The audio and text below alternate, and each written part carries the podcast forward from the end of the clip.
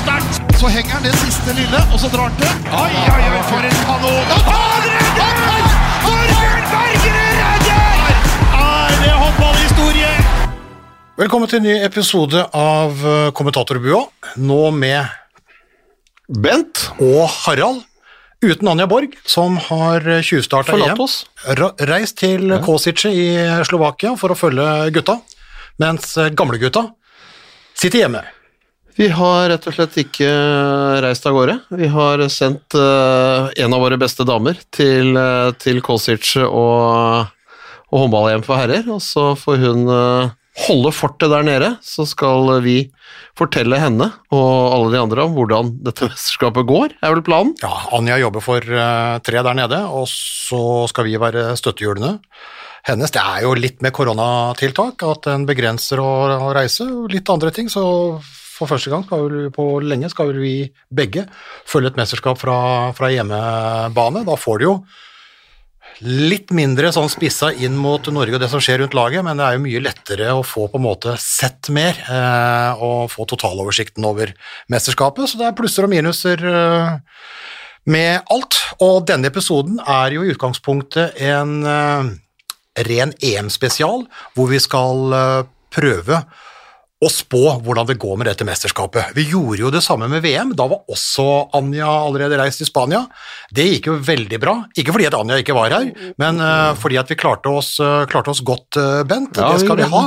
Men dette her, Det her, er vanskelig. herremesterskap, 24 lag i et omikron-landskap, det, blir, det blir tøft. Ja, altså jeg tror nok lagene er helt avhengig av å, å holde dette, dette viruset ute av sine tropper, og nå er det vel, eh, hvor mange er det? Det er vel 16 av 24 lag som har hatt det, Har eller har, Har, hatt. ja, altså. 16 av 24.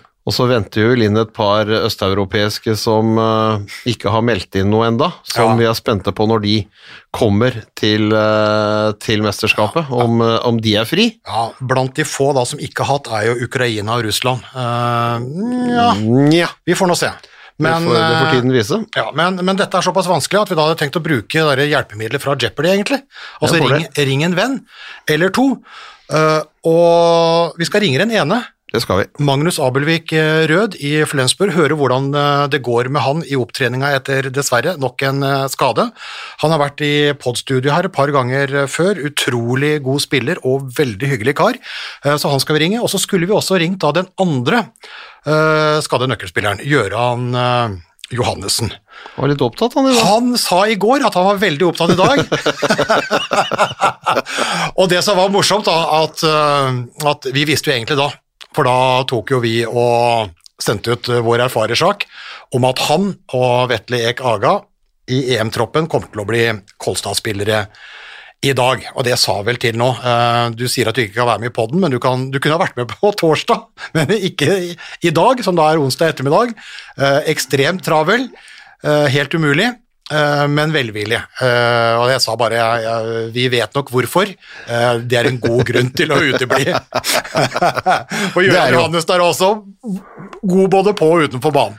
Det er ingen tvil om at han er, og det har jo versert litt sånn rykter fram og tilbake. Altså, han har vært en ettertrakta spiller. Han uh, har vært mye skada, men uh, det er mange av de største klubbene i verden som har vært på jakt etter Gøran Johannessen. Flensburg ville gjerne forlenge. Barcelona har vært nevnt, så, så det er mange klubber som, som har ønska å knytte til seg han. Men uh, Og, og, hjemme, og hjemme har jo Elverum prøvd å få tak i Gjøran for å sette opp en flommur mot Kolstad, men, men ikke, ikke lykkes. Nei, de har ikke lykkes med det, og det, det er nok eh, Det er et prosjekt som han selv sier ble, ble veldig spennende. Jeg tror nok de har, altså de har landslagsambisjoner, og de tror at gjennom spill i Norge og Champions League, som de da drømmer om å, å kunne komme langt i, så, så mener de at de også vil være bedre rusta når Norge skal spille mesterskap i framtida. Sjekka litt med, med serielederen i Sverige, eh, CV Hofstad og miljøet der, og der sier de jo klart at eh, altså de ønska jo også å tilby eh, bodøværingen Vetle Ek Aga, eh, nå viktig mann i forsvaret til, til Norge i EM, en, en ny kontrakt. Men de sier at uh, vi lønner omtrent som topplaget i Norge, uh, Elverum, altså med den differensieringa som er i en uh, klubb. Eh, og når da Kolstad kommer inn, og de kaller det da altså tilbyr tregangen, så er vi altså sjanseløse. Ja, men det, er, det, vil jo, det vil jo være naturlig. Altså For det første, det er et spennende prosjekt. Det er i Norge, og så ligger det den økonomien som ligger i det. og Da tikker du egentlig av på, på alle parameter for det en spiller ønsker. og, og det, er, det, er, naturlig at de velger det. Det, det syns jeg. Jeg syns det er kult at Kolstad går ut og, og gjør det, men, men, det er klart det er altså sånn altså hvis, du, hvis du har en butikk og en bukse koster 2000 kroner, så er det ikke noe vits i å gå inn og betale fem for den. Så, så, det hadde jo på en måte vært mulig å differensiert noe, men uh, de har et stort lønnsbudsjett, de har skaffa masse kapital, og de har en, har en veldig kul ambisjon om å, om å, å bli et, et eh, Champions League-lag å regne med. Har Aalborg litt som forbilde, danskeklubben som, som spilte finale i fjor. Og det er klart at uh, med den rekka de har og kommer til å få, så blir jo det sannsynligvis et klubb å regne med i Europa. Ja, men for Det Aalborg brukte 20 år på, har Kolstad tenkt å bruke to, eller, eh, eller, eh, eller, tre, eller kanskje litt mer da, for å nå europatoppen, i hvert fall komme inn i, inn i Champions League. Men uh, med de to siste så er det altså åtte landslagsspillere som er henta inn, seks norske to islandske, og de gjør det jo selvfølgelig fordi at det er et uh, kult prosjekt, spesielt da for de norske som kan komme inn og løfte et, uh, løfte et uh, norsk lag opp og fram, spille med flere av landslagskollegene. Selvfølgelig teller lønningsposen en del i dette her også. og så er det jo en del som jeg på sosiale medier altså mener at dette her er jo krise for landslaget, for nå kommer jo de hjem i den norske liga som ikke er god nok, liksom, så dette her er et fall for landslaget. Men Poenget er vel at to av de som ikke er med i EM nå, er jo slitt ut i Bundesliga. Så faktisk så reiser de jo hjem i skadeeksil for kanskje uh, å være klar for disse uh, mesterskapene. Altså, ja, den norske ligaen kan jo ikke matche Bundesliga noen gang, men hvis de får Champions League-spill, så kan de jo sånn delrestituere litt i Norge, få noen tøffe kamper, restituere i andre, få matchinga i Champions League, og så er det faktisk pluss, pluss, pluss for landslaget. Ja, du får, fall, du får i hvert fall eh, med den strukturen som Champions League har nå, hvor det er to grupper av åtte lag, det er syv, du, får, altså, du har syv motstandere, skal møte de hjemme og borte. Det betyr at du har 14 matcher. Så vet vi at det norske seriespillet er på 22 kamper, eh, og så er det noe sluttspill og de tingene der. Men det er klart at eh, hverdagen blir annerledes, og så får vi da håpe og tro at, eh, at, det blir en god nok hverdag eh, kampmessig å spille Champions League. Vi har sett, eh, sett, lag, altså hvis du ser på Vardar fra Makedonia, har jo ikke noe, har jo også spiller vel egentlig ikke i den, den, den lokale ligaen engang. Så, Barcelona. Uh, Barcelona i Spania som reiser rundt som et sommerreisende sirkus. Så, så, så, det er klart at det kan være at de, at de er der oppe og at de, at de lykkes med den. Det som er positivt med det, er at du får muligheten til å restituere, du får muligheten til til å trene, trene, godt. og, og, og, sånn sett da kan også være mer skjerpa når du kommer til mesterskap. Det er det som har vært grunntanken bak Kolstad-prosjektet. Det er todelt. Så får vi jo se. Nå har de henta åtte. Vi får øh, fem av dem kommer til høsten, når sesongen åpner. Eh, tre av dem, da, det gjelder jo Gøran Johannessen, det gjelder Sander Sagosen, den største stjerna, og øh, vår kommende øh, episodegjest, Magnus Abelvik Rød, de kommer jo da til sesongstart 23-24. Og Spørsmålet er om det kommer mer, og ikke minst kommer Christian Berge som Kolstad-trener etter, etter, EM? Det er, jo, det er, jo, det vi lurer på. Ja, det er jo, det er, det er jo spennende. Det er jo mange som, som mener at, eh, at, Christian Berge skal til, skal til, Kolstad. Om han kommer etter EM nå, eller om han skal ta med seg et VM til og kommer når de tre siste kommer for da å sette sammen laget, det, det, verseres. Det verserer mange tanker og mange, mange teorier rundt det, men, men, men, jeg er ganske sikker på at, at Christian Berge ender opp i Trondheim. Ja. Ikke bare for å flytte hjem til Trondheim, men også for å trene Kolstad. Ja. Vet, ikke, vet ikke når, men uh, Nei, men det er ikke sånn. Det, det, er, eh, det er i hvert fall i Vi kan ikke sette på eggkokeren, det går ikke så raskt, men uh, Nei, vi kan heller ikke begynne å telle åreringer i trærne, sånn at Så, så, så, så jeg tror det at uh, i løpet av ikke altfor lang tid så ville det ikke overraske meg mye om, om Christian Berge ender opp der. Uh, nok en gang uh, applaus for uh, Kolstad, så får vi se hvordan dette her går da, for landslagsspillerne og Kolstad. og Elverum vil ta opp konkurransen, og det vil også, også andre, så det blir spennende, det blir spennende å se. Men, men, alt det der videre om Kolstad og, og serien alt mulig, det har vi flere måneder på å ta. Det var en digresjon i starten her, bare, inn mot et EM, og før vi ringer opp Magnus Abelvik Rød eh, Du nevnte jo, Bent, dette, dette landskapet uh, som da gjør at alt er uforutsigbart. Altså, lagene går jo på, på nåler. Uh, det har vært langt flere avlysninger enn spilte oppkjøringskamper, så det er mange lag som ikke helt vet hvordan de står. Uh, Norge er jo fikk jo da først avlyst Golden League i Frankrike mot uh, vertene Egypt, Danmark og Norge, og så skulle det spille to kamper mot Danmark. Så ble det én kamp, og sånn har det vært for ekstremt uh, mange land. Og Østerrike de hadde jo dårlige erfaringer med kvinnene i Spania som gikk på en uh, koronasmell rett før, så de, de, bare sa til Slovakia dere trenger ikke komme, vi orker ikke å spille, vi låser oss inne. Reiser rett til EM-landet Ungarn og Slovakia. Uh, så de har jo ikke turt å, å, å spille spillekamper heller. Og dette her kommer jo da også i et mesterskap etter et OL, som alltid gir oss mange skader pga. tre mesterskap på 13 måneder i tillegg til klubb. Og så gir det jo da en del sånn forfall. Noen gir seg etter eh, OL. Uh, andre syns det rett og slett blir for mye. Jeg må rett og slett ta en pause. De har jo kanskje spesielt rammet både ja, spesielt Tyskland, men også Spania. Uh, og så er det vel ingen tvil her om at uh, den største favoritten de har nettopp slått Norge med ti mål i København. Det er danskene, er det ikke det? Jeg syns at danskene er klart de største favorittene. Det var Danmark og Frankrike som gjorde opp om OL-gullet. Eh, Frankrike har noen, har noen, tunge forfall, sjøl om de har en enorm bredde. Eh, de, de er jo de som er nærmest danskene, syns jeg, sånn breddemessig av alle de nasjonene som er med. Men, eh, men, men danskene må være soleklare favoritter. og hvis en hørte Rasmus Lauge etter, etter, at de slo Norge med ti mål, så, så, sier jo han at det egentlig er altså Hvis vi gjør jobben vår, så er det ingen som slår oss, da vinner vi alle kamper. Ja, men selv den beste kan gjøre en feil, og det har vi jo sagt om våre egne håndballkvinner. Store favoritter. Selv den beste kan gjøre en feil. Vi så jo på en måte hvordan de slur av noen eh, kamper òg. Vi husker jo da kanskje en av tidenes håndballkamper. Kvartfinalen i VM, der Danmark vant, mot, mot Egypt i, i Kairo hvor ekstremt små marginene er. Altså én dårlig eh, dag. Men det er klart, når du så det batteriet der Har vi sett maken til det batteriet danskene har nå? Altså, de har vært kolossale med topp og bredde før.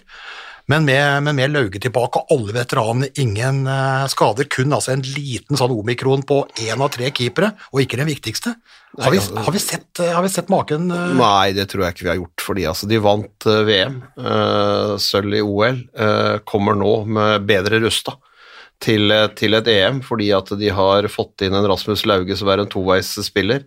Eh, de, jo, de, de, hadde jo noen utfordringer i mesterskapene, må, måtte bytte, bytte, ofte to spillere. Nå, de, nå holder det sannsynligvis på å bytte én, eh, og, og, og, gi den bredden de har og det de kan ta opp der. Eh, vi så jo, vi så jo mot Norge også, Norge var sjanseløse, de ble spilt ut av hallen. Ut av hallen ble de spilt. De slo oss også i, i Trondheim i, i november uten sju sentrale spillere. Lauge var skada da, og så var det seks veteraner som hadde fått fri. Og Så kommer de tilbake, og så kvitterer vi ut den ene etter den andre. Og så til slutt så tenker jeg nå kommer det ikke med mer. Og da sto liksom Toft Hansen og tøyde og bøyde som den tredje linjespilleren bak benken her. Da tenker jeg jeg orker ikke mer, nå tisser jeg på meg. Kommer det mer nå, så tisser jeg på meg. Da gjør jeg rett og slett i buksa, fordi det der er fryktelig. Og så er det jo fort gjort, da, i et sånn øyeblikk å bli historieløs. Altså Ekspertene fra Frankrike har jo hatt noen mastodonter av noen, eh, noen lag, og dominert i perioder.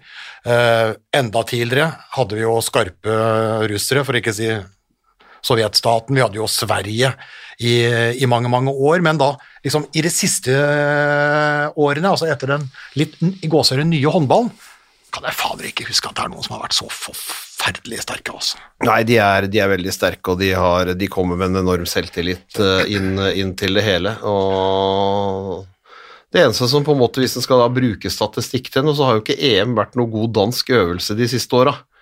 De, har, uh, de røk ut i det forrige EM og ble nummer 13. De har, de har ikke vært på, vært på, toppen av pallen. De har vel en har vel én bronsemedalje. Jo, jo, eh, jo, jo Uh, en gang. Uh, det første gullet til danskene. Ja, ja, ja, i 08, men, men i, i, altså, i, i den, siste, I den siste- nei, den nei, nei. siste tiden her nå, ikke sant? Det gikk vel fra å vinne VM-gull på hjemmebane til å ryke ut av, av, av EM så før, før hovedrunden, så men jeg tror ikke altså Da sa de jo etterpå at de ble litt sløve og trodde dette skulle gå av seg selv. Ja, det, det så ikke sånn ut som om danskene var der nå. Det er en spillesugen Rasmus Lauge tilbake som kan stå og fòre. De har fått opp en gudbenåda spiller i Mathias Gitzel som, eh, som på en måte har tatt, altså har tatt håndballverden med Ja, storm. som og som danskene nå på må, altså de, de vurderer han der oppe i den altså Det har vært Landin og Mikkel Hansen har liksom de som har vært bært, har bært det danske laget. Nå nevner de Mathias Gitzel i det samme åndedraget. Jeg syns de også kan ta med seg Rasmus Lauge, for det, det han gjorde mot Norge, måten han styrte det danske laget på og de tingene der altså. Ja, altså formi, formidabelt. Eh, Men, men, men det som er litt morsomt her, da, eh, er jo at ja, vi kan surve litt over at Norge da ramla ut av pallen de siste, men de er altså det dårligste de har hatt eh, etter gjennombruddet i, i 16 er vel en, er vel en sjuendeplass. Og det er jo andre store nasjoner her som har floppa mer. Altså to av favorittene nå, da, OL-finalen, tenk på det, altså Danmark-Frankrike i OL-finalen. Det var jo også da eh, eh, VM-vinner og en semifinalist fra VM i Kairo. Men det var nummer 13 og 14 i forrige Ja, EM, altså. altså er- Danmark, Danmark gikk jo da fra et suverent VM-gull i Herning, hvor de fillerista Norge, eh, og da til en 13.-plass i EM, mens Frankrike, da, som har vært ekspertene og vært der oppe hele tida, kom på plassen bak, 14. Eh, så det er EM, så er de oppe på VM igjen, og så er de i finalen i OL. Ja, ja. Det, så det er jo mulig å ramle i kjelleren, og så bare fyke opp igjen eh, på loftet. Så ja, vi får se, men, men eh, før vi liksom begynner å, å ringe vår venn Abelvik Rød og gå liksom detaljert inn her Norge Altså Gjennombruddet, EM 16, forrige EM, eh, bronse, kunne fort blitt et gull, altså. Herligheten derre semifinalen mot Kroatia med ekstraomganger. Boff. Eh, og i 16 òg, ekstraomganger mot Tyskland, kunne vært en finale der, men tross alt en, en, en EM-medalje. Uh, nede i, eh, i, i Stockholm, var det vel, til slutt. Eh, men nok om det. Og så har vi jo et, et par VM-sølv, men altså de to siste mesterskapene, da. Eh, VM og OL, eh, så er det da en sjuendeplass fra Tokyo og en sjetteplass fra, fra Kairo. Og jeg er livredd for at vi ikke kommer opp Når jeg ser tablået her, jeg er livredd for at vi, i hvert fall da med de forfallene til eh, nevnte Gøran og Magnus, at vi ikke kommer på pallen eh, denne gangen. Har du noe beroligende, eller eh, må vi ringe en eh, venn ganske raskt? Nei, jeg kan prøve å berolige deg litt. Grann. Eh, Norge har for første gang hatt en veldig god trekning. De har et gruppespill som eh, de skal kunne greie å spille seg inn i turneringa på. Eh, Jeg kan ikke kalle det treningskamper, det må gjøres en ærlig jobb. Men både Litauen, Russland og Slovakia skal Norge være bedre enn. Det betyr at vi skal vinne den gruppa der. eh, Og, Og, ta med to og ta med, og, ta med to poeng inn. Det betyr at vi er i en god posisjon til å, til å kunne, kunne utfordre noen av de i hovedrunden. Ja, det er, det er det første momentet, fordi det er jo det er 24 lag. Eh, Det er fire lag i seks grupper, eh, to halvdeler. Eh, Norge har jo da havna i en, en, en lett innledende gruppe hvor det egentlig er fiasko hvis de ikke tar med seg to poeng inn i hovedrunden. Russland, som er på bedringens vei, men som har vært langt nede, og Slovakia og Litauen, som kanskje er to av EMs svakeste lag, det er i hvert fall de to lagene de to eneste lagene som da ikke var med i, i det forrige Europamesterskapet, og som ikke har vært med på mesterskap eh, ja, Slovakia på ti år og Litauen i det forrige årtusenet. Eh, så her er det gode muligheter. Men det er liksom når vi ser litt fram, da, dette krysset da mot Spania, Sverige, Tyskland og det greiene her, det er da liksom skjelvinga mi kommer, da. Ja, men jeg, jeg tror jo da at nå får du muligheten. Det har vært lite treningskamper for alt og alle, det har vært en litt usikkerhet, men det er klart de har også vært gjennom en lang sommer. Det er, det er mange lag som har med mange av de som var i OL. Uh, Precampen inn mot OL er lang, fordi at den kommer på sommeren, og da er det mulig, mulig å kunne holde på, og så spiller du en turnering. Så, så, men men, eh, men eh, jeg håper at det norske laget finner seg sjøl mye bedre enn det de gjorde i København på lørdag, og kan, kan ta med seg to poeng fra den gruppa. Kan få, spille på seg selvtillit i gruppespillet, føle at ting fungerer, og kan komme inn og få, altså få komprimert og gjøre et bedre forsvarsspill, og, og, at det sitter bedre offensivt, som de har snakka mye om. At disse løp, nye løpsveiene i kontringsspillet ligger der. Og så må vi åssen vi snur, vrir og vender på det, ha et langt bedre målvaktspill enn vi har hatt i de siste landskampene. Altså Vi hadde en Golden League-kamp mot danskene med fire redninger. Det var ikke veldig mye flere som, som, som kom nå på, nå på, lørdag mot danskene. Vi var jo i Trondheim og så de mot Danmark òg, lite redninger. Så. Men uh, Torbjørn Bergerud har hatt en fantastisk sesong i den danske ligaen. Uh, ligaens beste målvakt. Gjør at GOG er så langt denne sesongen, det er vel åtte poeng foran uh, Champions League-finalist Aalborg. Så, så, så, vi har et godt håp og et tro om at han sammen med resten av laget kan bruke de gruppespillskampene til å finne ut av det. Da kan vi utfordre noen av de, eller de lagene i hovedrunden. Ja, det er definitivt ikke umulig med en semifinaleplass. Altså, alle muligheter er der. Jeg er bare litt mer skeptisk, og det tror jeg merker på folk uh, ellers òg. De er litt mer skeptiske, og det har jo selvfølgelig da noe med forfallene å gjøre, altså med veldig sentrale spillere. altså Gøran Johansen, ikke minst. definitivt Abelvik Rød også, men der er det, altså på høyrebekken, er det tross alt god dekning. Det er en Reinkin, det er en Tønnesen, det er en Rambo der, ikke sant, og da har vi ikke tatt med Tangen og hele kostepineriet ellers.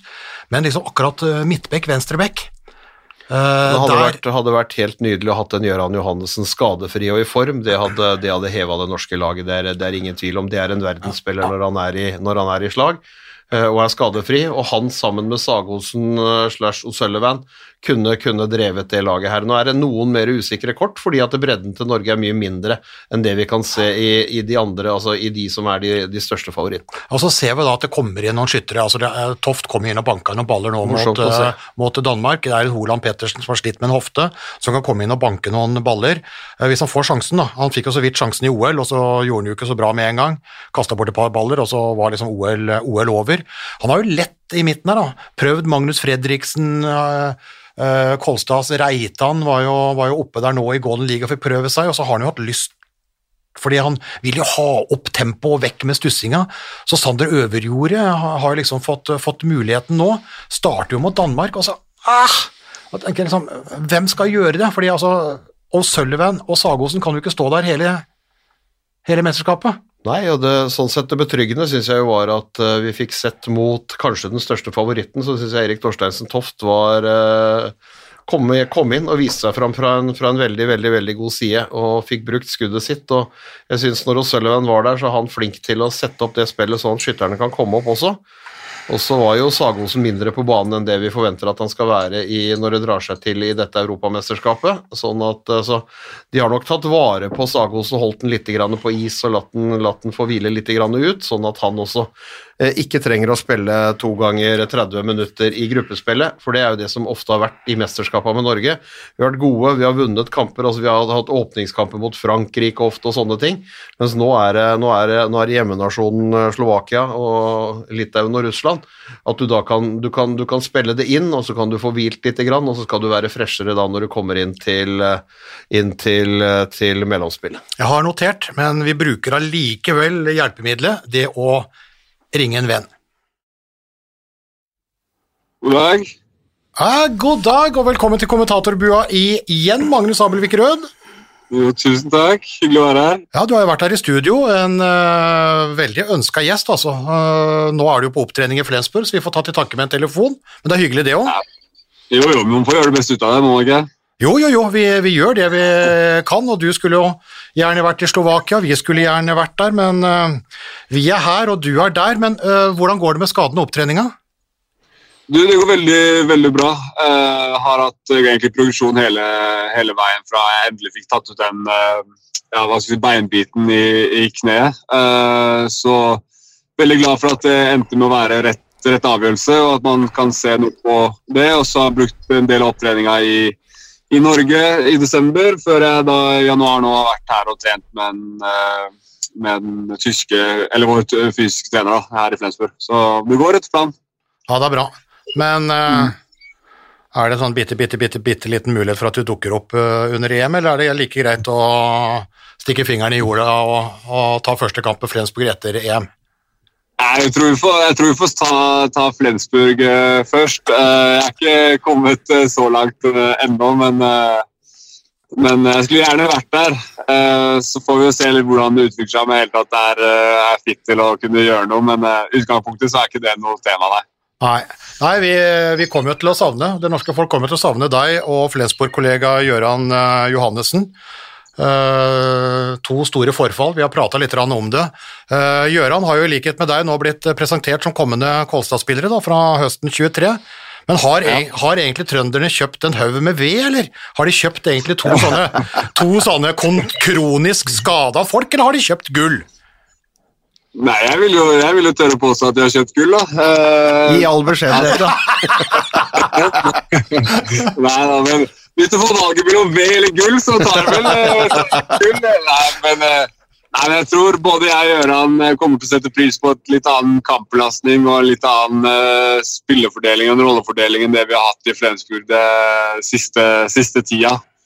Um, og på en måte det er på en måte noe som vi på en måte har sett jeg tror jeg er nytten av at det at vi kan på en måte komme hjem til, til Norge hvor det ikke kommer til å være det trykket hele tida som det er i den tyske Bundesligaen. For det er eh, det mest ekstreme du kan spille i form av liga. Og eh, med Champions League i tillegg her, så er det ja, og vår spillestil, så ikke det, har ikke det kanskje vært den beste kombinasjonen. Uh, så vi, vi, satser på at det, skal bli, at det skal bli bra fra sommeren 23. Ja, fordi altså Tyrefekting er jo en utdøende idrett, men du og Gjøran dere praktiserer jo fortsatt. Det er liksom ja, hodet først rett i den røde kappa, og så er det et spyd i nakken, og så er det over. ja, så Det spørs hvor mange spyd du klarer å få inn der før du, før du seiler med. Ja, vi får, ja, vi får, se. Nei, men jeg tror mer, jeg tror mer på gull enn gull enn gull enn ved. Men vi, vi, vi snakka litt eh, på det. Det er jo fantastisk dette Kolstad-prosjektet. og Én ting er liksom deres ønske om å være med på det, og så er det jo selvfølgelig eh, litt med at man opprettholder en bra lønn. Hvor mye tjener du forresten? Ingen kommentar. Jeg bare kødda med deg.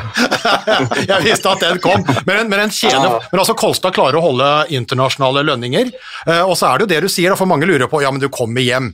Det svekker jo landslaget fordi at dere får jo ikke kamp eh, eh, kamptrening nok, men det er jo det vi sier. altså Det du sier også, er jo det vi snakka om litt tidligere her, at kanskje er nettopp dette her det som gjør at en kan være en god landslagsspiller og holde noen år? Ja, altså helt klart. Altså, jeg, jeg, tror på en måte ikke man skal undervurdere uh, treningseffekten. Det at kunne trene sammen med mange gode spillere og på en måte kunne ha den samhandlingen og ikke være nødt til, sånn som i Tyskland, hvor vi på en måte tør å på oss og trener enda mindre enn man gjør i Grundeligaen. Altså, vi, vi, har på en måte den der, vi, Enten så reiser vi, og så kommer vi hjem, og så har vi skal Vi si, vi må prøve å forberede oss til neste kamp, og da blir det på en måte hvile, og så blir det én taktisk trening, og så er det en ny kamp igjen. Så det blir liksom, Kampene blir jo på en måte treningen din. da.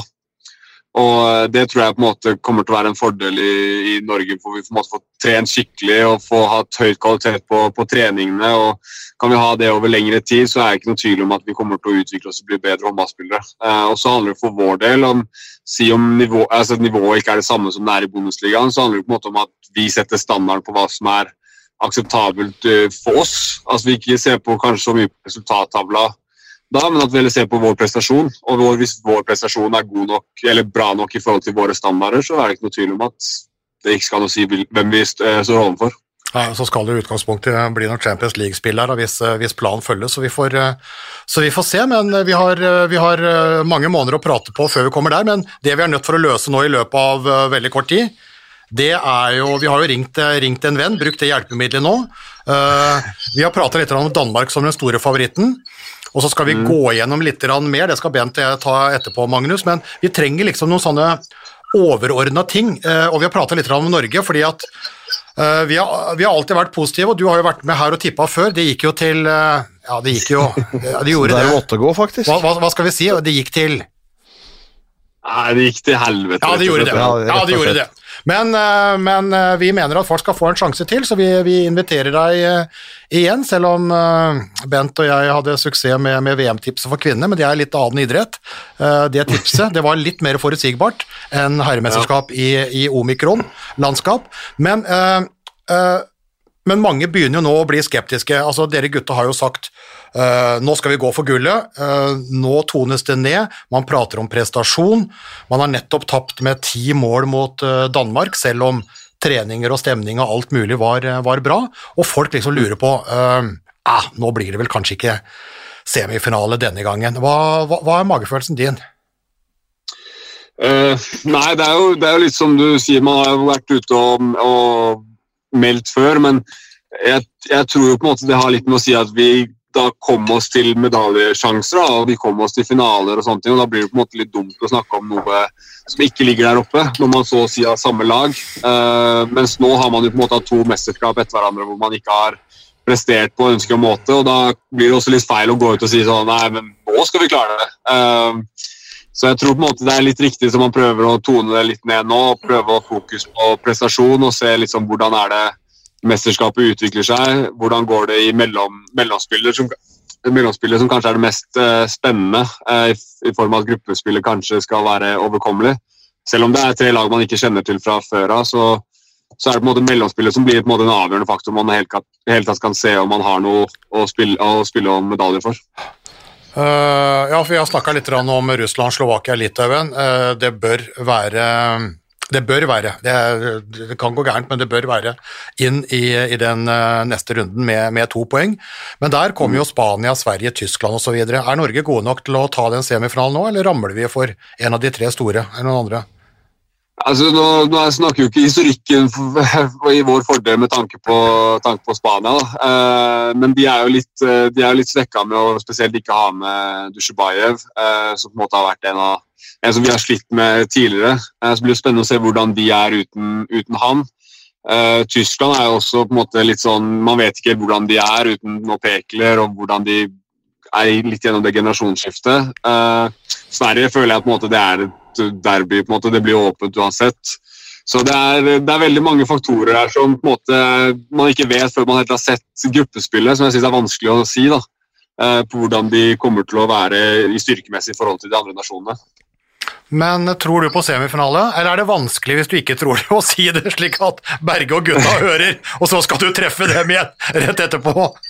Ja, det blir, jo, det, blir jo, det blir, jo, dumt av meg å si noe som, eh, som ikke er altså, Selvfølgelig jeg, jeg har troa på gutta. Eh, så spørs litt, Jeg føler litt at jeg må få se litt hvordan det er, for jeg kan kunne uttale meg om noe sånn. fordi Man må jo være så enig og, og si at eh, det som var mot Danmark, er jo ikke godt nok dersom man skal prøve å en semifinale. Eh, så spørs det litt hvor, hvor, bra er Danmark i forhold til, til alle andre nasjoner også. Eh, men det er jo helt klart at man må flere hakk fra det nivået dersom man skal ha noe å kjempe om for, eh, for medaljer. Ja, hva, hva, hva, mener du er viktigst å få, å få retta på? da? Fordi eh, Her har han jo muligheter da, til, å, til, å, til, å, spille seg litt inn da, i det innledende spillet. Nei, altså Det er jo helt klart Forsvaret som på en måte var litt problemet mot, mot, uh, mot Danmark. altså Det var altfor mye mål som ble sluppet inn, og at man får justert litt det og få, få snakka litt og sett litt video på hvordan man ønsker å, ønsker å ha det. Uh, det tror jeg på en måte er ganske uh, viktig. Og så har man jo at Hvis man får satt Forsvaret, så får man løpt en del enkle, enkle kontra. Det tror jeg på en måte kan være viktig eh, i form av at man får spart litt, spart litt krefter. Da, for Det er jo det med det nye formatet med at man har fire eh, gruppes, nei, eller mellomspillkamper. Så er det på en måte så blir det et langt mesterskap, og da handler det på en måte om å kunne spare krefter der det er mulig. Og Det enkleste da er å spille et bra forsvar, slik at man slipper å spille så mye etablert angrep. Jeg tror, jo, jeg tror jo at, eh, at uh, trekninga for Norge denne gangen er, er, er god. Det er, det er, ingen tvil om det. Vi har ramla unna Frankrike og Danmark på motsatt side. Uh, de tre gruppespillskampene bør vi være klart bedre enn en de laga. Det betyr at vi kan få, gjort, få noen gode defensive opplevelser, ikke minst det som var helt fraværende i kampen mot danskene, at vi, at vi, kan få i gang kontringsspillet. For det har på en måte vært veldig viktig for Norge i den fasen når vi da kom opp og begynte å leke med de store, også spilte finaler og semifinaler og henta medaljer. Så var kontringsspillet en viktig del av spillet til Norge. Hvis vi kan få noen gode opplevelser med det også i gruppespill, og ta med seg en selvtillit rundt det inn i, inn i hovedrunden, så, så, tror jeg at vi kan, vi kan spille, opp, spille opp mot, mot flere av de nasjonene der. Om det holder til semifinale, det er jeg ikke sikker på, men jeg tror i hvert fall vi kan, vi kan være nære der. Og treffer vi godt i gruppespillet, eh, ta med oss den selvtilliten inn, så, så tror jeg vi er en, er en kandidat til, til, en semifinale. Ja, fordi altså 40 minutter mot Danmark var jo litt sånn krisetendenser, så så vi jo litt bedre etter hvert. altså Litt fordi at vi steppa opp, litt fordi at danskene bytta litt rundt, selv om, selv om de bytter i kvalitet hele tida. Men, men ser du på en måte at det er små justeringer som kan gi stor effekt, eh, Magnus? Ikke minst da med konstellasjoner i midten bak der og det hele? Ja, altså helt klart. Det handler på en måte om å få litt sånn samspill og få, få hatt nok reps med de som er, eh, er rundt deg. Altså, man spiller jo i forskjellige lag, og det at man får, får uh, ha treninger og ikke minst altså, Jeg er veldig glad for at man fikk den kampen sammen. fordi det er jo litt det at En trening er én ting, men når man får spille kamp, så får man på en måte den ultimate testen. og Får gått opp mot Danmark nå, så kommer man jo også litt ned på jorda igjen og få sagt at ok, vi må, vi må gjøre det enda bedre. Altså Det må være enda bedre her. Um, og da blir det litt sånn at uh, når man får snakka litt sammen, får sett litt video, sett hva man vil gjøre bedre, så er det, det er små justeringer som kan gjøre enorm forskjell, da, for, spesielt for keeperne. Som på en måte er vant til et visst sett i klubb, og så kommer man på landslag. og da spiller man på en litt annen måte, og det tror jeg på en måte, det er det viktigste at de får snakka sammen og få hatt klare retningslinjer på hva, som, eh, hva man ønsker å oppnå med det type forsvar man spiller. Ja, eh, men, eh, men jeg, jeg, føler når vi liksom prater alle tre holder alle muligheter åpne. Det er mulighet for suksess, men det er også mulighet for at det ikke går helt veien. Men vi, vi kjenner på usikkerheten, ikke sant? Det er, det er det vi gjør, er det ikke det? Nå, altså, nå, høres jeg ut som en sånn psykolog her da, eh, i starten av en sånn eh, time, men, terapitime, men, eh, men, men, det er det vi er. Altså, det, det, er usikre vi er. Vi avskriver ikke noen muligheter. Vi ser noen muligheter, men vi er ikke, vi er ikke sikre. Altså usikre. Ja, nei, altså det blir jo litt sånn Når jeg ikke er sammen med, sammen med gutta heller, så er det liksom litt vanskelig å si hva som går gjennom hva de gjør, og hva, hvordan de forbereder seg, og hva de, hva de tenker. Jeg har ikke snakka så mye med med noen av dem, egentlig, for å, for å på en måte høre litt hvordan, hvordan, situasjonen er. Men det er litt det at det er så, det er så jevnt der, og med, med forfall. og plutselig har, du, plutselig har du korona som kommer inn i bildet og tar og ødelegger for ett lag. Og så plutselig er, så kan ikke de gå videre. Altså, det er liksom så mange usikre momenter. Uh, så jeg føler liksom at man er litt nødt til å ha gruppespillet bak seg før at man kan gi et endelig svar på hva man tror. Da. Ja, jeg ser det. Og jeg snakka jo ikke med gutta, vi satt jo hjemme og kommenterte den kampen på lørdag, men jeg snakka med Berge noen timer før kampen, bare for å få siste info før vi gikk i, i boksen, Bent og jeg. Og han var jo da veldig, veldig begeistra. Altså knall treningsuke, kunne ikke huske sist det var så bra. Fokusert, tenning, gutta hadde god stemning, gleda seg alt mulig. Da sier jeg ah, dette høres bra ut!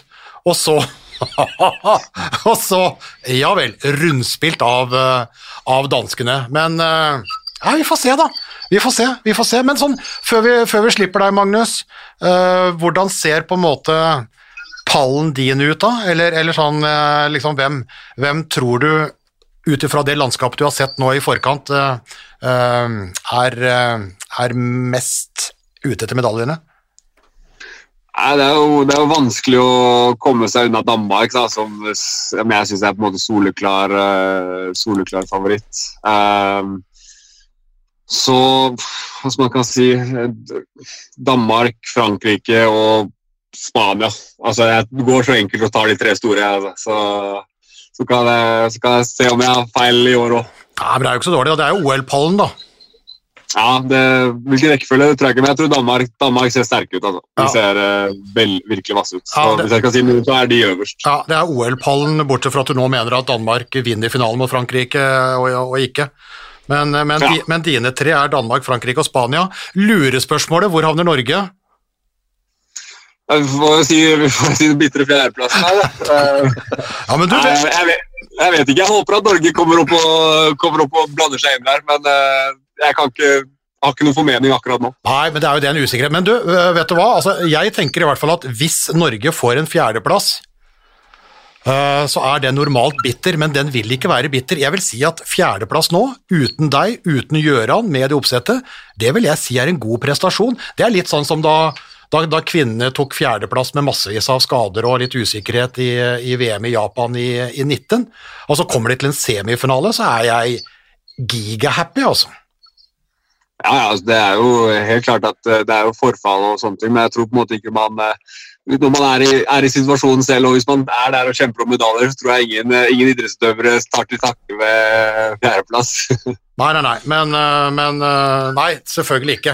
En, altså, det har jeg vært med på altså, i, i 16, ikke sant. Altså, tapt semi, tapt bronse. Det, er ikke noe- det er ikke noe moro utgang, det, men, men jeg mener ut ifra forutsetningene så vil en semifinaleplass nå være en bra prestasjon. Veldig bra prestasjon. Øh, selv om det sikkert da vil være, vil være bitter, øh, bittersøtt. Men, øh, men det er greit, det, Magnus. Det er good. Ja, jeg syns det. Jeg syns det var veldig hyggelig Hodet på å- blokka. Veldig, veldig, veldig hyggelig å Ja, det er jo ikke alt. Det er jo ikke, det er ikke nødvendigvis alt du, alt du kan si om alle meninger du har det midt oppi det. Så det har vi forståelse på. Men vi har fått en, uh, fått en del uh, interessante synspunkter. Alltid artig å høre med deg, ikke minst at du nå ser ut til at du får litt orden på nok en skade. Det er viktig, Det altså. får jeg, vet du. Det får jeg. Ja, men det er strålende. Det er strålende, og så vet du at stolen ved siden av her, den er alltid ledig. Hvis det skulle streffe bortom. Ja, det er godt å høre. Jeg gleder meg til å komme på besøk eh, en annen gang. Det er herlig, og vi gleder deg til å se deg på banen igjen. Takk God for praten. Magnus. God bedring. Yes. Takk. Ha det bra. Hyggelig kar. Eh, ja, ja. Det er, eh, det er Gode- gode Selv om du prøvde å få han til å si at de hadde kjøpt ved, så er i hvert fall han er hel ved. Det er han. Må erte den, må erte den litt. rann. Det er alltid- alltid så- og så er det klar, han kan ikke være Altså Hvis den er dønn ærlig om alt, så kan den jo fort bli inhabil, og det, det skal vi ikke, den situasjonen skal vi ikke sette den i. Men det, men det er gode vurderinger, og føler at han, han, han kjenner på ganske mye av det vi, vi kjenner på. Men hvis vi ser nå, da, kjapt i ø, detalj her på gruppene, og da gjør vi det på arabisk vis. Da går vi fra høyre mot venstre, for vi starter da med den siste gruppa, F, der Norge er. Der har vi sagt at det er et russisk lag som har vært langt unna tidligere storheter. En EM-vert i Slovakia, som da faktisk ikke har vært med i mesterskap eller EM da, siden 2012 i hvert fall, og et Litauen som har vært der én gang, med en niendeplass i 1998. Altså Hvis vi ikke tar dette Det er greit nok da at Russland nå har fått uh, Petkovic fra Bosnia som trener, og, uh, og de, de prøver å komme seg opp igjen. Men Slovakia og Litauen uh, Malasjinskas, Litauen, strålende playmaker. Ja da, de har en uh, Rabek i Slovakia på høyde med, med Rød osv. Men altså, hvis de, Norge ikke kommer av gårde med to poeng der, så kommer er, Saga. da er det fiasko. Da kommer Saga. Da er det fiasko, men det gjør det. Jeg er ganske sikker på at Norge vinner den gruppa, vinner alle tre kampene, og forhåpentligvis spiller på seg den selvtilliten som vi håper og drømmer om at de skal gjøre, og så, tar de, så vinner de den gruppa, og så går de videre til mellomspillet med to poeng. Og hvem tar med, for det, det er ganske mange som tror at Slovakia kan bli en av EMs overraskelser, men jeg klarer ikke helt å se det. Er det bare fordi at de er verter? De får jo bare 25% av publikum inn i hallene i Slovakia, mot fullsatt da uh, i, i Ungarn. Nei, altså, jeg ser heller ikke, men det kan godt være at Slovakia kan, altså kan, kan komme seg videre. Jeg syns de tre andre lagene som er i gruppa til Norge der er, men, men normalt sett så, så holder jeg Russland hakket hvassere enn en Slovakia og Litauen, og at det er de som blir med Norge inn til, eh, inn til en hovedrunde. Noterer eh, Norge ener, Russland toer videre fra gruppe F. Gruppe E, da, det er det første krysset. For når Norge da er ferdig med Slovakia, Russland og Litauen, så møter de da eneren og toeren i gruppe E. Og det er Spania og Sverige. Eh, dere får ha oss unnskyldt eh, Tsjekkia og Bosnia-Hercegovina, men dere er statister, Spania og Sverige går videre der. Og det er jo der, da. Og de kampene går faktisk da uten hviledag imellom. De det hviledag. er da altså torsdag 20. januar og fredag 21. Da kommer Spania og Sverige. Hvilken rekkefølge får vi dem? Hvem, eh, hvem eh, Vi begynner jo mot E2, det betyr at det er nummer to i den gruppa eh, Det er vanskelig. Jeg syns det er veldig vanskelig. Det er et Spania, men samtidig et som, eh, som jo har vært, eh, har vært helt på høyden i, i alle, alle de siste mesterskapene. Jeg eh, tror svenskene lurer spanjolene denne gangen, at det er Sverige som går videre med to poeng. Ja, vi får se. Nå nevnte jo Abelvik Rød uh, Dusjebajev, faktisk begge brødrene, både Alex og Daniel. Den er- vel mer sentral enn den andre. Og så har det vært et lite generasjonsskifte der. Jeg er spent på å se en del av nykommerne. for Raúl Entrerios, altså evighetsmaskin, er faktisk sluttkjørt. Sarmiento er ikke der. Uh, en, en, god playmaker, Viran Morro, som har stått i forsvar der siden uh, Jesus sin tid, uh, har jo da lagt opp så det kommer inn noe nytt. Men det er fortsatt et sabla godt lag, altså. Det er et, det er et fantastisk og, godt håndballag og gode målvakter. Og de har vunnet EM to ganger på rad. Kan få en historisk trippel. 18 og 20. de ble nummer tre i OL og nummer tre i VM. Og Norge har ikke slått dem siden Min sønn Håkon ble født, og han er nå 24 år. Så kan dere regne kan, ut kan, kan dere regne tilbake. Regne ut. Og Sverige er jo et av lagene da, som har, har slitt litt med, med korona. Uh, Hampus Vanne ble klar. Uh, Martin Bokvist, treneren. Uh, Tobias Karlsson, som da har hatt en sånn viktig forsvarsgreie, skal jo ikke reise ned. Altså, Glenn Solberg Masse fortjent ros for den VM-innsatsen. Og, og, han har vært podgjest hos oss, og han dro jo fram støtteapparatet. Ja, eh, og Der jo... har jo Martin Bokvist som assistent og Tobias Karlsson da, som, som gammel Sverigekaptein og, eh, og forsvarssjef vært ekstremt viktig. Han har jo proppa, Proppe, proppa, øret. proppa i øret og hører jo på Tobias uh, osv. underveis i, i, kampene. Og, hvis de ikke blir klare, så er det jo et eller annet sånn, men uh, ja, men du, men du, tror at Sverige ja, synes, går inn? Jeg syns Sverige, Sverige, er en, en klar medaljekandidat, og, og hvis du må velge Sverige-Spania der tidlig i turneringa, eh, så, så, velger vi Sverige. Jeg eh, gjør det. Ja, med, med to poeng.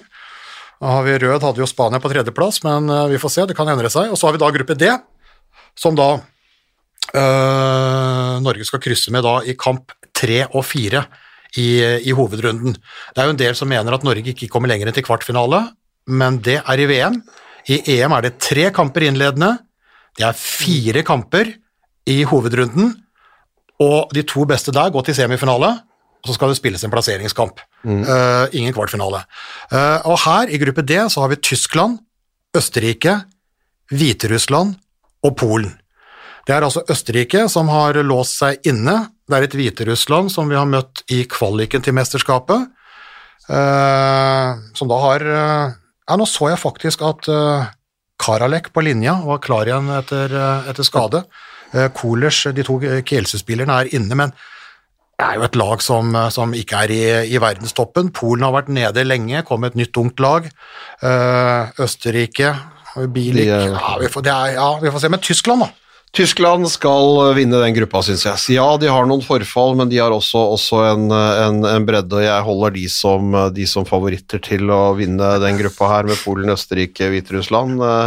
Et hviterussisk lag som, som altså, i sine beste stunder har noen av verdens beste håndballspillere.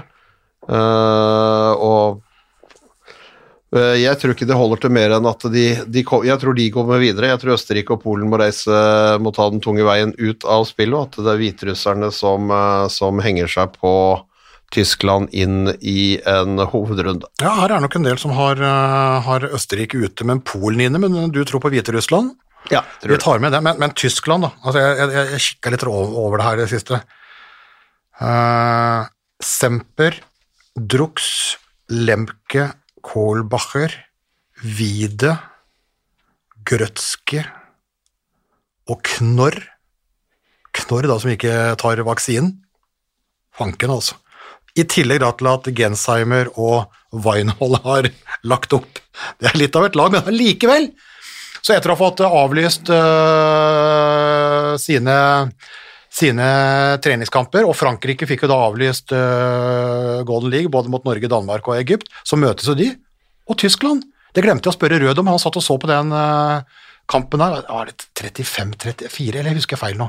Jeg mener det var noe sånt. Ja, det var, det var, det var, det var, det var, mye mål forsvar, da, men Tyskland de kommer alltid opp med et eller annet, altså. De, de, pleier å gjøre det. De har mange gode håndballspillere. De har en smart trener i Alfred Gislason som, eh, som uh, kan løfte det, og jeg syns ikke at På papiret i hvert fall så ser ikke verken Østerrike, Polen eller Hviterussland ut til å kunne true tyskerne til å ta med to poeng inn til en uh, inn til en hovedrunde. Nei, så da i, i, i, i Norges halvdel, da, så kommer Norge, Sverige og Tyskland inn med poeng. Russland, Spania og Hviterussland uten, ifølge Bent. Over på motsatt halvdel. Da går vi til A. Der er Danmark i eh, Balkanhjørnet, Slovenia, Nord-Makedonia og Montenegro. Altså, Slovenia har jo vært oppe og, og vippa. Tapte jo bronsefinalen for eh, Norge i, i EM sist. Og har prestert i VM og vært oppe. altså Medalje da må man vel tilbake til da vi satt i Ljubljana i 2004. Ja, ja, ja. Og de klora ut øyer på kroater og, og alt, eh, alt, mulig, men eh, de har vært oppe og nikka. De har jo ikke Nord-Makedonia, Kiri Lazarov, spillende trener, og Montenegro, de to siste. Eh, Makedonia har hatt mange skader og mye korona. Montenegro har hatt mye korona og mange skader, og åpner mot Danmark, og har egentlig lagt seg på alle fire allerede. Så kan det bli noe annet enn Danmark og Slovenia der? Eh, nei, ikke, ikke, i mitt hode i hvert fall. Det skal være Danmark eh, videre med to poeng, og et slovensk lag som får være med til, eh, til hovedrunden. Men det er vi sikre på.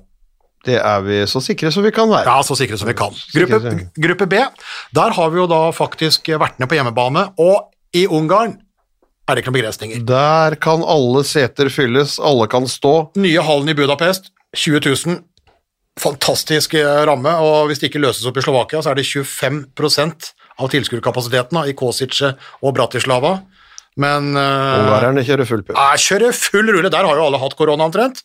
Ja, ja. Så nå Gjør og våre, våre, våre, norske venner der har jo blitt, blitt, stengt ned igjen. Der har det jo vært fritt uh, for alle for, alle, for alle, alle, virus, men de er da i gruppe med et portugisisk lag som jo har vært veldig sterke i det siste, men som nå er Voldsomt ramma. Veldig ramma av skader. Eh, det er et islandsk lag som har vært ute av det beste selskapet lenge, men som eh, eh, har noe positivt i seg, ikke minst offensivt. Omar Inge Magnusson for Bundesliga-leder Magnusson for eksempel, er jo ja. en av flere notoriske målskårere. Også Nederland, da, som vi hilste på oppe i Trondheim i, i november, som Ja, det er en Smith og en Smith som er ute der, men det er ikke Kai som er den viktigste. Mangler en Jerry og litt sånn småting, men, men ja. Ungarn på hjemmebane tror jeg vinner den eh, gruppa. Tar med seg to poeng inn til hovedrunden. Og så er det veldig vanskelig, men, men sånn, også med forfallene til, til, Portugal, de er jo heller ikke noe sånn Altså, de, har, de har hatt et fantastisk lag de siste åra, men uh, det er ikke den enorme bredden der heller. Sånn at, uh, sånn at uh, ja, hvis jeg ser det, altså, nå, altså, det tristeste som har skjedd Portugal, det var jo da Quintana.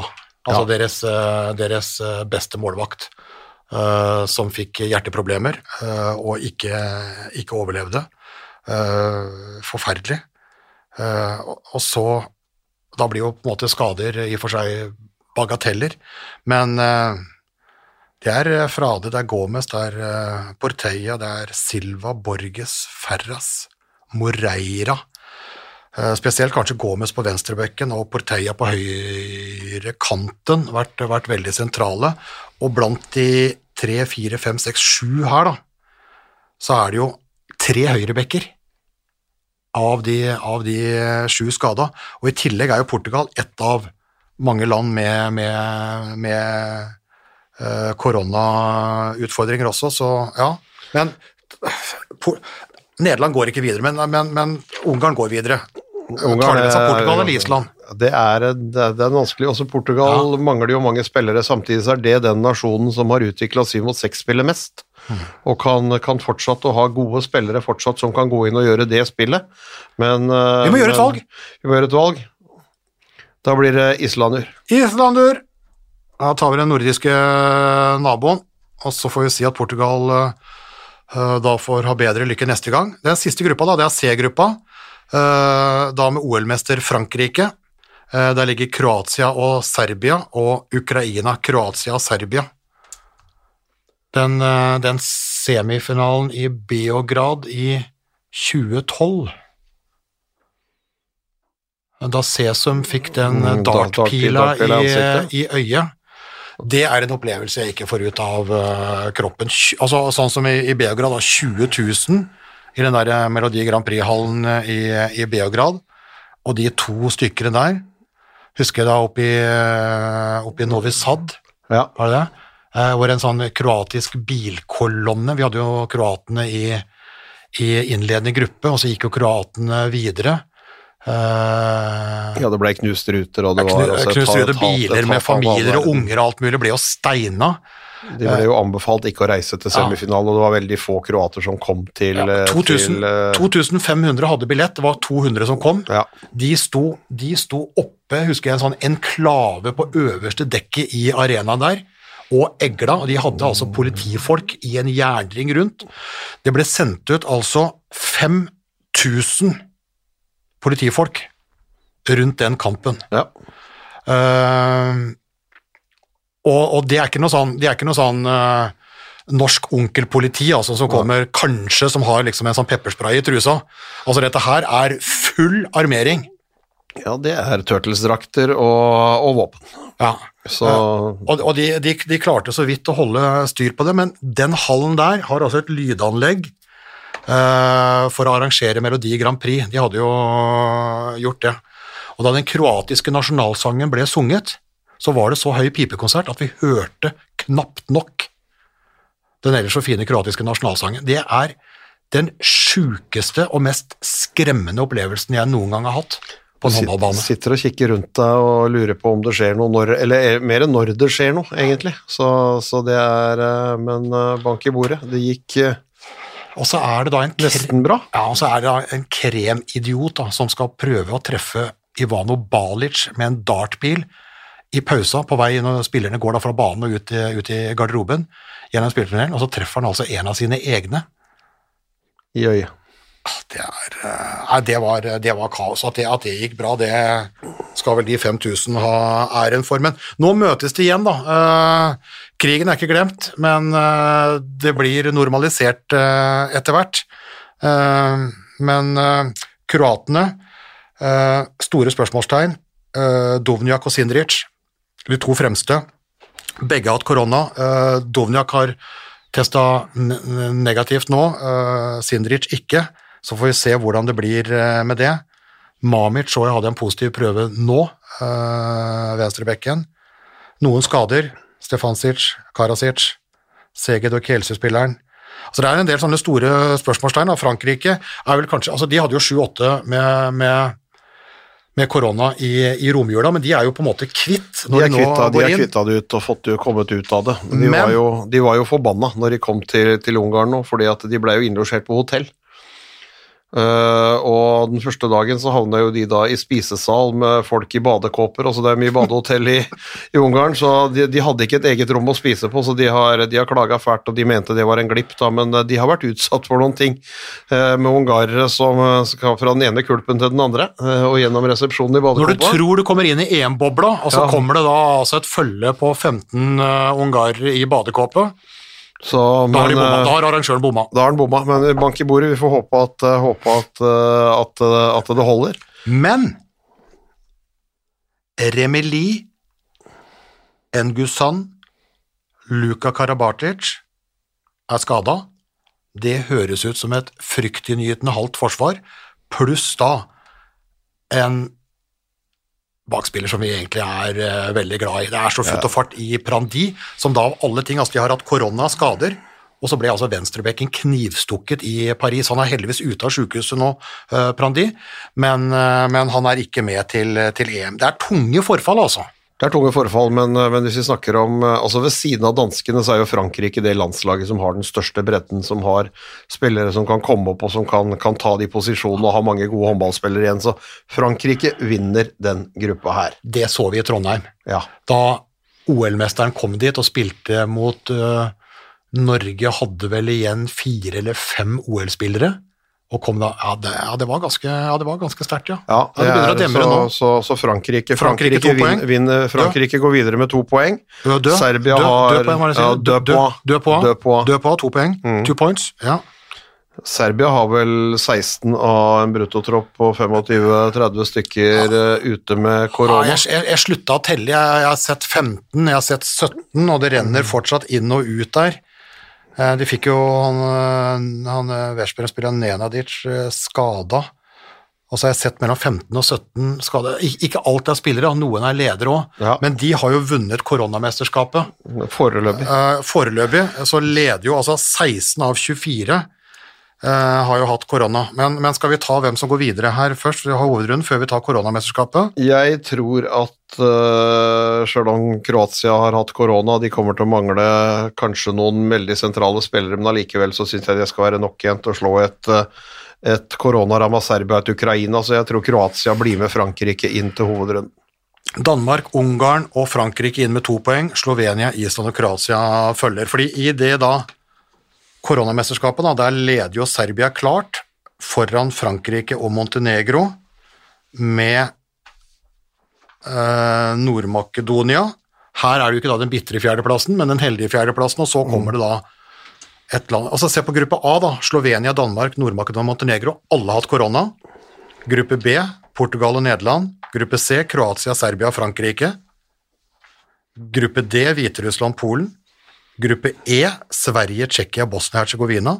Og gruppe F, Slovakia og Litauen. Det er 16 land altså, som har slitt med dette her. De som da ikke har meldt inn noen, er jo Ungarn og Island. Island er jo på øya si. eh, nå, ja da, de har jo De, de, har, hatt det, de har hatt det der òg. ja da, for all del, men det er ikke det om å gjøre. Men eh, nå er det jo mye tyskere Bundesliga-spillere da der.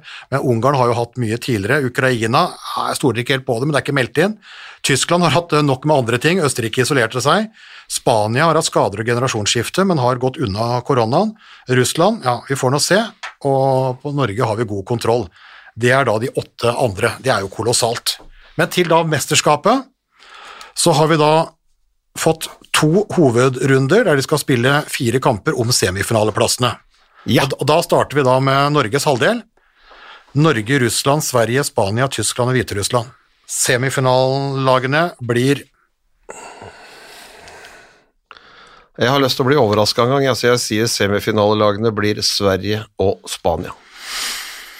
Ja, Tyskland klarer ikke, og Norge kommer ikke det. Norge, Altså, Norge får kampen om femte- og sjetteplassen. og så kan vi være dritglad Ja. for å bomme for, for ja. en gang Nei, jeg kan ikke si for en gangs skyld, for jeg har truffet det en gang. Og Jeg ikke det en gang, men, eh, men vi har på en måte alltid hatt Norge, Norge der oppe, men, eh, men eh, de skal overbevise oss. Eh, Vi har eh, tidligere i podden tatt, tatt de tinga som på en måte kan sende Norge inn til en semifinale, og det, det tror jeg er tre gode kamper i gruppespillet. Få i gang et kontringsspill, få inn selvtilliten på det.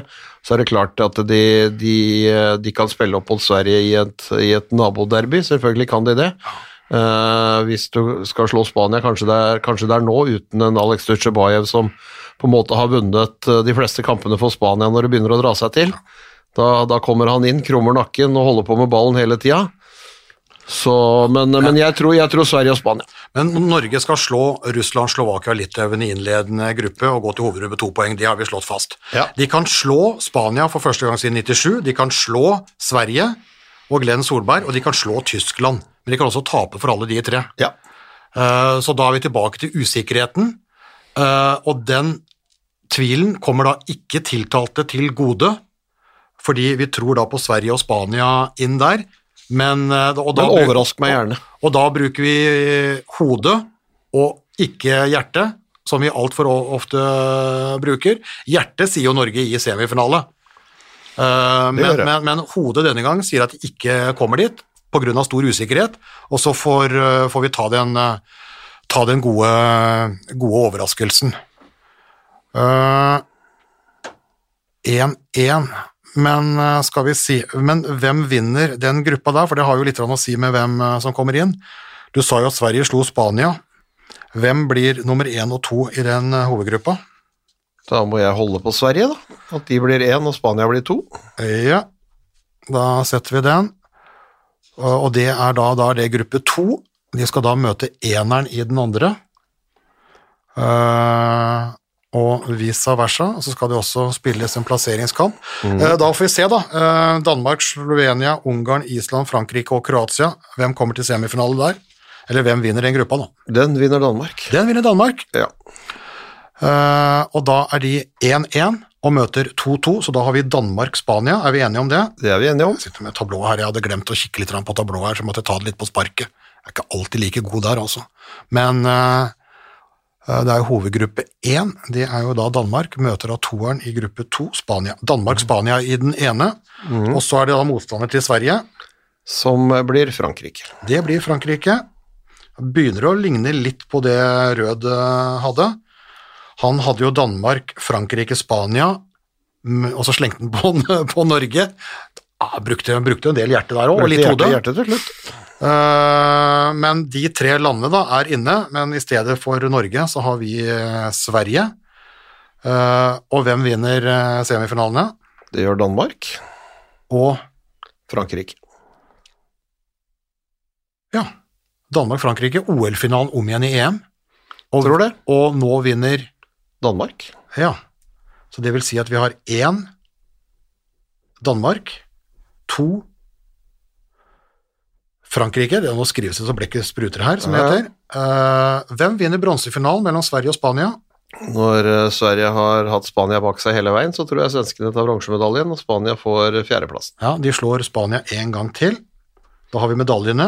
Én Danmark, to Frankrike, tre Sverige. Og så havner Spania utenfor eh, pallen, da. Ja. For første gang på, på lenge. Nå har de vært på pallen i, i mesterskap etter mesterskap, og er jo da regjerende europamester. ja. Men her har vi da altså regjerende verdensmester Danmark på førsteplass, regjerende OL-mester Frankrike på andreplass, Ja. eh, eh, en Sverige som har vært oppe og nikka, som tapte, VM-finalen i, i Kairo på tredjeplass, og regjerende europamester Spania på fjerdeplass. Ja. Altså, jeg hørte det nå når jeg sa det nå, at når jeg sier det på den måten, så skjønner vi jo da kanskje at et uh, norsk lag uh, uten et par nøkkelspillere Det er tøft når du kommer opp der oppe. Vi har vært heldige med trekninga, vi har vært heldige med halvdelen, og vi kan med maks flyt eh, blande oss inn blant eh, de fire ved å vippe ut eh, Spania eller eventuelt Sverige. Eh, Men eh, jeg tror Norge må spille kampen om femte- og sjetteplassen. Og der møter vi Ungarn. Der møter vi Ungarn, ja. Eh, og hvordan ender det? Ungarn på hjemmebane, full hall, 20 000, den vinner Norge. ah, nå så jeg hjertet ditt slo. Nå hjertet- hjertet slo Nå inn, hjertet slo inn. slo hjertet. Men jeg ser altså Ja, vi, vi bruker fortsatt uforholdsmessig mye hjerte. Vi bruker Ja, ja. her, men uforholdsmessig mye. Fordi at veldig mange eksperter rundt omkring, da, på sosiale medier og alt mulig eh, de, Altså, Danmark er den store favoritten. Frankrike er inne i medaljekampen, Sverige og Spania. Det er bare litt ulike. Altså, alle har de inne.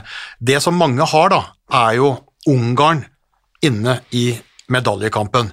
Fordi da at de har en suveren hjemmebane med 20 000. De har eh, Banhidi eh, på linja, en av eh, verdens beste. De har en personlig favoritt i playmaker-rollen i, i Leka, jeg er glad i han. Ja, ja. Og, og, og veldig mye annet, annet bra. Men du mener at uh, der er Altså Danmark og Frankrike slår ut Ungarn. En del mener jo da at Danmark går til semifinale, men at Ungarn slår ut Frankrike. Ja, og det blir jo, det blir jo spennende å se. Men uh, de skal, de skal gå inn og gjøre det. Det er et fransk lag som, eh, som er vant til å være i semifinaler, når ikke de da ramler aldeles ut som de gjorde i det forrige EM-et. Eh, det er fortsatt eh, mange, mange mange gode spillere på det franske laget, så, så jeg, tror at, eh, jeg tror Frankrike ender opp, ender opp der oppe, og at eh, Ungarn, eh, Ungarn ikke kommer inn og må møte, møte Norge i kampen om femte og Ja, sjette. det er jo litt morsomt å se på Frankrike. OL1, VM4, EM14. Ja, ja, ja. Altså, altså Danmark, som vi sa. OL2, VM1, EM13. Ja, ja, ja. Altså, det er, det er noen, det er noen pussigheter her, men da, da, da står vi på det. Ja, vi står på det. Og vi håper at vi tar øh, vi, Litt feil. Vi, vi håper at vi tar feil. Ja, vi håper Jeg at har vi tar feil. faktisk aldri i hele mitt liv håpa så mye på at vi tar feil. Vi kommer til å ha helt korrekt på gullet, det er jeg ganske sikker på.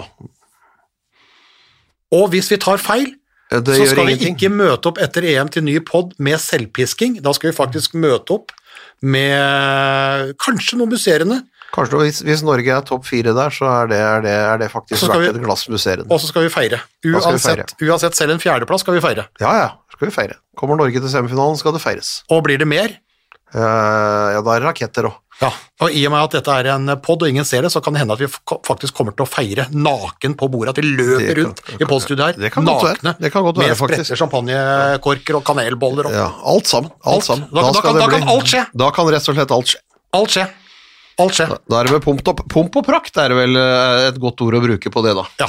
Men nå skjer det ikke Eller noe mer. Eller stump og prakt, hvis du skal løpe naken. Da kan alt skje i stump og prakt. Men nå skjer det ikke noe mer. Ingen verdens ting. Takk for nå. Takk for nå, og vi høres igjen om ikke så lenge. Oi, oi, oi, oi, oi. Det er råsterkt. Så henger han det siste lille, og så drar han til. Oi, oi, oi, for en kanon. Han